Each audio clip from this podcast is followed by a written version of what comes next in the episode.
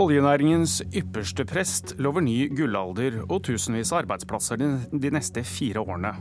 Men bare hvis ingen miljøvenner på Hadeland tukler med skatteordningene deres. Og så skal vi høre at MDG mener Rødts miljøargumentasjon høres ut som høyrepopulisme. Karl Eirik Skjøtt Pedersen, administrerende direktør i Norsk olje og gass. Du smiler, velkommen. Takk for det. Som et hyggelig innsmett til regjeringsforhandlingene på, på Hadeland, så slipper du i dag utsiktene fra bransjen din, som sier at det skal investeres mer på norsk sokkel de neste fire årene. Er det kraftig vekst? Ja, vi ser for oss en uh, kraftig vekst fra 2018 til 2019. Og vi vil også ligge høyt i de etterfølgende årene. Men det som er spesielt med disse tallene, i tillegg til at det er en så kraftig vekst som det er, det er at når vi kommer til slutten av denne perioden, altså mot 2023, så er det nesten halvparten av de investeringene som vi da ser for oss, hvor det ikke er tatt såkalt endelig investeringsbeslutning. Og Det betyr at hvis det skulle oppstå en usikkerhet om rammevilkårene, så vil de investeringene kunne bli enten avlyst eller utsatt. Og Da vil vi ikke få en økning, da vil vi tvert imot få en dramatisk fall i, i investeringene. Og det vil ramme titusenvis av arbeidsplasser, i, ikke minst i leverandørindustrien på land. Så når du hører at Venstre skal ha stilt harde miljøkrav på Hadeland, antagelig backed Kristelig Folkeparti, så er du bekymra, du? Vi er jo enig i at vi skal gjennomføre harde miljøkrav i forhold til eh, samfunnet generelt, og også i forhold til oljevirksomheten. Derfor ønsker vi å redusere utslipp, og vi ønsker å bidra til å utvikle hydrogen osv. Men verden trenger olje og gass i veldig lang tid. Og da er det en glede for alle nordmenn at det ser ut for at investeringene kommer til å øke kraftig de nærmeste årene. Fordi at det betyr penger som kan brukes til skole og eldreomsorg, og det betyr arbeidsplasser. Eh, en glede for alle, kanskje ikke absolutt alle. For, for Une Bastholm, du er nasjonal talsperson for Miljøpartiet De Grønne. Kraftig vekst i det dere ønsker skal være en døende næring. For å knytte det opp mot de forhandlingene som skjer på Hadeland nå. For Venstre syns det er litt vanskelig å sitte her i studio og diskutere det akkurat nå. Men hva ville du gi dem i råd om hva de skal sette ned foten på? som kan være godtagbart når du hører at det er en oljenæring i oppsving? Jeg håper jo at alle partiene som sitter i de regjeringsforhandlingene, ser på hvordan Norge skal klare å oppnå de målene vi har satt oss for å redusere klimagassutslippene. Det er den viktigste trusselen mot norsk økonomi, mot velferden, friheten og mulighetene til dem som er unge i dag og som skal vokse opp. Og Da bør de legge en plan sektor for sektor for hvordan de utslippene skal kuttes, både innenfor det man kaller kvotepliktig sektor og ikke-kvotepliktig sektor. Og Det håper jeg alle sammen sitter og gjør. KrF og Venstre har gått høyere ut i forkant, men alle partier, alle politikere i Norge, har et ansvar der.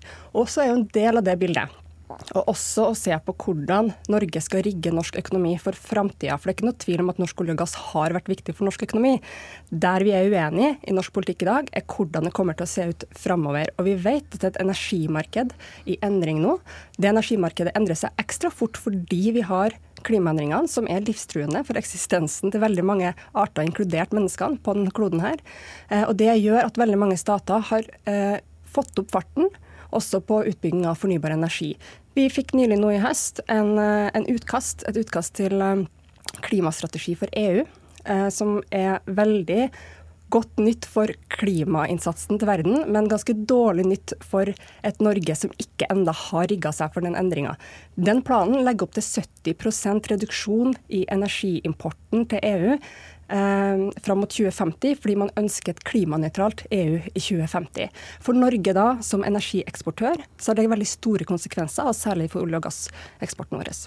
Eh, Skjøtt Pedersen, Da mener du altså at Norge skal kunne oppnå det å bli et uh, lavutslippssamfunn? Den store målsettingen bare med å kjøpe noen klimakvoter, og så kjører vi på? Nei, La meg først ta den illustrasjonen som ligger i at uh, den store tanken er jo at når vi kan trekke CO2-utslipp ut av gass som vi skal selge til eh, Europa, så vil vi selge en gass som er uten utslipp, der vi i dag har en gass som er med utslipp. Det er teknologi veldig... som ligger litt fram i tid? Nei, ikke nei? Nei da, den er på plass, men, og de ser bl.a. i Storbritannia at man nå er i ferd med å, å kunne gjennomføre den.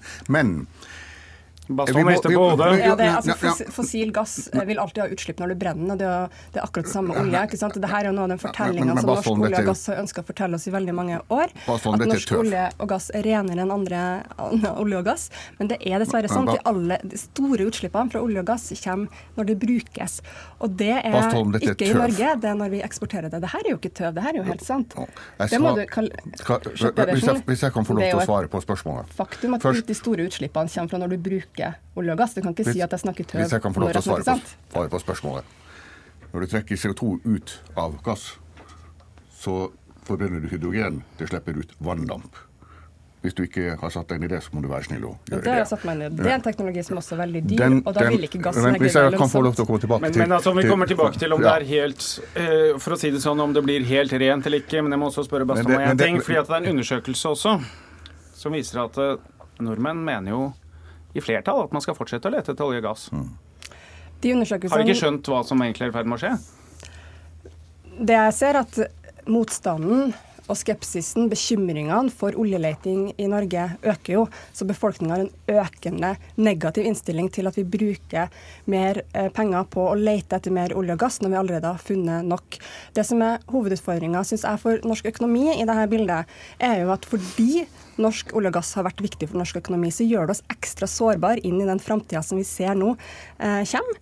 Eh, fordi vi ikke bare har uh, mange arbeidsplasser innenfor olje og gass i dag som vi kan regne med at er sårbare i de endringene, men også fordi vi bruker så mye statlige subsidieordninger ja. på å forsterke investeringene. Og det er lønnsomme til syvende og sist pengemessig i hvert fall, men jeg må nesten ta og ønske Karl Erik Skjøtt Pedersen lykke til med framleggingen ja. av tallene dine i dag. Da skal du få snakke veldig mye mer om oljens velsignelse. Vi skal snakke mer om miljø her i dag. Tusen, takk, tusen takk for at du kom. Tusen takk for det, og vi syns det er veldig hyggelig at det er stort flertall i folket som mener at vi bør videreføre virksomheten. Og som sagt, det viktigste i dag oppstår det en usikkerhet, så kan vi ta på den muligheten vi i dag presenterer for en kraftig vekst. Tusen takk. Vi skal gå fra de store skattene både inn og ut av norsk sokkel til de små som er så sure å betale. Um, Håkon Rikles, du er samfunnsøkonom i Civitan liberale tankesmia. I Aftenposten i desember så advarer du om at for å nå framtidige utslippsmål, så må man gjøre ganske kraftige, harde, bruke hard lut. Eh, men hvordan gjør du dette med skattepolitikken uten å lage opprør à la det vi så i Frankrike? Ja, det store dilemmaet med klimapolitikken er at det som virker best, eh, er å gjøre forurensning dyrere. Eh, men det er også det som er mest upopulært, for det rammer folks lommebok direkte. Og det tvinger folk til å endre atferd. Jeg tror at det avgjørende er å sørge for at man ikke har et for høyt generelt skattenivå, sånn at folk mener at de har en rimelig andel av inntekten sin igjen. Eh, det man ser i Frankrike, var at skatteprotesten ble utløst av drivstoffavgifter. Men generelt er det misnøye med at de har en dyr offentlig sektor som ikke leverer tjenester i tråd med at de har den høyeste skattenivået i Europa. Og hvis vi, vi, har den høyeste utgiftsnivået i offentlig sektor i Europa, men langt fra det høyeste skattenivået. og Det er fordi vi har oljefondet som kan dekke mellomlegget. En gang i fremtiden så vil ikke det lenger i like stor grad være tilfellet. Så om vi stiller spørsmålet i dag, hvis vi vet at vi må gjennomføre upopulære klimaskatter, er det da en god idé å samtidig øke de offentlige utgifter, sånn at vi vet at det generelle skattenivået også må opp? Eller må, må vi prøve å holde skattenivået nede, sånn at folk får beholde en rimelig andel av sin egen inntekt, også når vi skal ha et grønt skifte? Marie Sneve, du er uh, første nestleder i Rødt. Og noe av disse tingene det er nå den samme kritikken du får fra Une Bastholm. En ganske krass kritikk i Dagsavisen. For dere får beskjed fra Bastholm at dere høres ut som høyrepopulister i miljøpolitikken fordi dere ikke vil innføre disse upopulære skattene, som flere sier er nødvendige. Er, er dere for miljøtiltak så lenge de er populære? Er det Rødt? Altså Det viktigste med miljøtiltak er jo at man faktisk får gjennomført dem.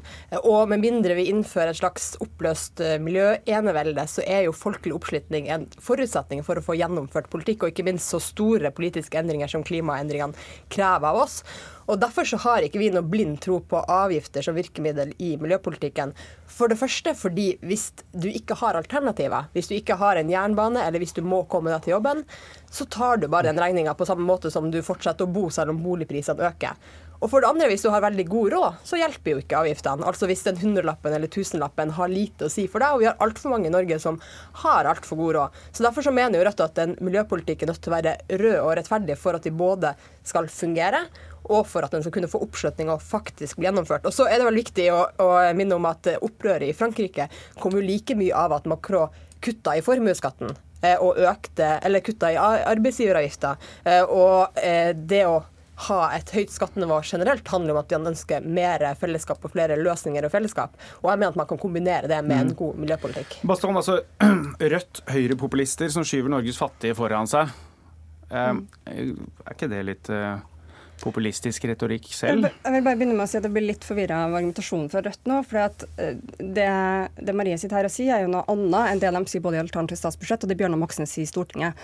Eh, det som har vært argumentasjonen hittil, har ikke handla om hvordan skaper du en folkelig oppslutning rundt klimapolitikk, noe som jeg mener åpenbart vi politikere må ta ansvar for, ikke minst gjennom å si klart og tydelig hva som trengs, og ikke argumentere mot det som virker. Eh, og Jf. at vi trenger miljøavgifter. Men det Marie sitter og sier her, er jo at eh, det her handler ikke om å beskytte fattige, sånn som Bjørnar Moxnes sier, det her handler om å skape en oppslutning.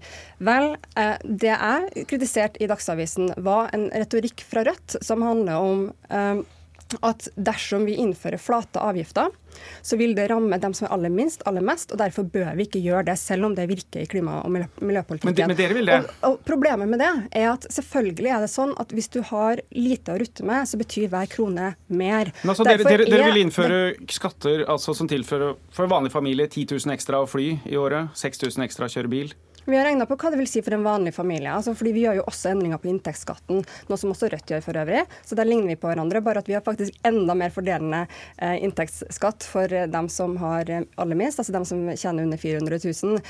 Men med vårt opplegg så har vi regna på det at hvis du er en gjennomsnittlig familie med gjennomsnittlig klimaavtrykk, dvs. Si du har gjennomsnittlig forbruk Så skatt skal komme ut med omtrent null? Hvis jeg bare kunne Nei, du kommer ikke ut med omtrent null jeg kan, hvis jeg får fullført mm. resonnementet. Eh, hvis du har gjennomsnittlig forbruk av, eh, av kjøtt, av flyreiser, av, eh, av, bil og drivstoff, så eh, vil du betale ca. 400 kroner ekstra som en, familie, en vanlig norsk familie i Norge med vårt avgiftsopplegg. Og det, det, avgiftsopplegget innebærer jo også veldig mange avgiftsletter for det, eh, de valgene som vi ønsker at folk skal gjøre mer av. Riklis, kan, jeg må videre også, fordi eh, kan man gjøre komme effektive miljøtiltak uten at du får rett og slett upopulære skatter og avgifter? Eh, jeg tror ikke det er mulig. for Hvis man skal prøve å kun målrette avgiftspolitikken der det, der det ikke smerter, der det er masse alternativer allerede, så vil man aldri bruke avgifter til å utvikle nye alternativer. Og man vil fort bare få en veldig liten andel av utslippene. På et annet tidspunkt så er de lette utslippene allerede blitt fjernet, og da er det vanskelig utslippskutt igjen. Eh, og de eh, må man da ha økonomiske insentiver til å redusere. Og så til slutt så vil jeg si at det, litt av grunnproblemet er at vi har en offentlig sektor som bruker seks av ti kroner i fastlandsøkonomien. Og da det, kan man gjerne si at i sine alternative statsbudsjett har man klart å, å, gjøre sånn at noen grupper kommer bedre ut. Men på lang sikt, hvis man en, står for en voldsom økning av offentlige utgifter, så gjør man et allerede stort finansieringsproblem enda større. Og det vil gjøre, svekke bl.a. legitimiteten til klimapolitikken. Altså, Snøve, Sneve, dere, jo, dere, skal ha mindre harde kutt enn en SV også. Er det liksom en litt sånn miniversjon av Arbeiderpartiet som er litt forsiktige? Nei, altså avgifter gjør jo ingenting i seg sjøl. Det er jo det at folk endrer atferd som kutter utslipp. Og da er jo f.eks. sånne ting som å bygge ut jernbane, gjøre toget billigere og bedre, bygge ut ladeinfrastruktur, veldig viktig. Og på akkurat alle de punktene så har jo vi i MDG nesten helt like forslag i våre alternative budsjetter. Og så er det jo viktig å si at vi også foreslår å øke miljøavgiftene. Fordi vi ser at det er en av tingene som må til. Vi foreslår å øke CO2-avgifta med 20% og øke flypassasjeravgifta. Men vi øker dem altså mye mindre enn det MDG gjør. Og det er jo fordi familier i Norge er ikke gjennomsnittlig. Noen bor der det ikke finnes jernbane, noen må reise langt til jobb. Mener du MDG er usolidarisk i sin miljøpolitikk? Jeg mener at de ikke har eh, en tydelig nok rød profil, som ikke er så veldig rart, siden de er et grønt og blokkuavhengig parti. Altså nå er klimautfordringene den aller største trusselen mot dem som har minst, både i Norge og i verden. Vi vet at dem som har aller, aller minst, rammes hardest av klimaendringene. Så det aller viktigste vi kan gjøre hvis vi er opptatt av en mer solidarisk norsk politikk, er jo å sørge for at vi som er nordmenn, som stort sett har greit å rutte med, vi har relativt stor frihet i hvordan vi gjør valgene våre i hverdagen, vi får den hjelpa som vi trenger, og de sterke signalene som vi trenger fra norske politikere på hvordan, for å gjøre de små valgene som, som gjør at vi kutter utslipp. Og De gode argumentene mot miljøavgifter hadde jo vært at de ikke fungerer, men det er ikke det som argumenteres fra, eh, fra Rødt. Det de sier, er bare at det her kommer til å gå utover noen. Og selvfølgelig gjør det det. Og, det, og da er mitt svar og det der, og da mener dere åpenbart litt forskjellig. Vi nærmer oss tids ende nå. Jeg må si tusen takk til deg også, Rune Bastholm, Håkon Rikles fra Civeta og Marie Sneve fra Rødt. Dette var Politisk kvarter. Jeg er Trond Lydersen.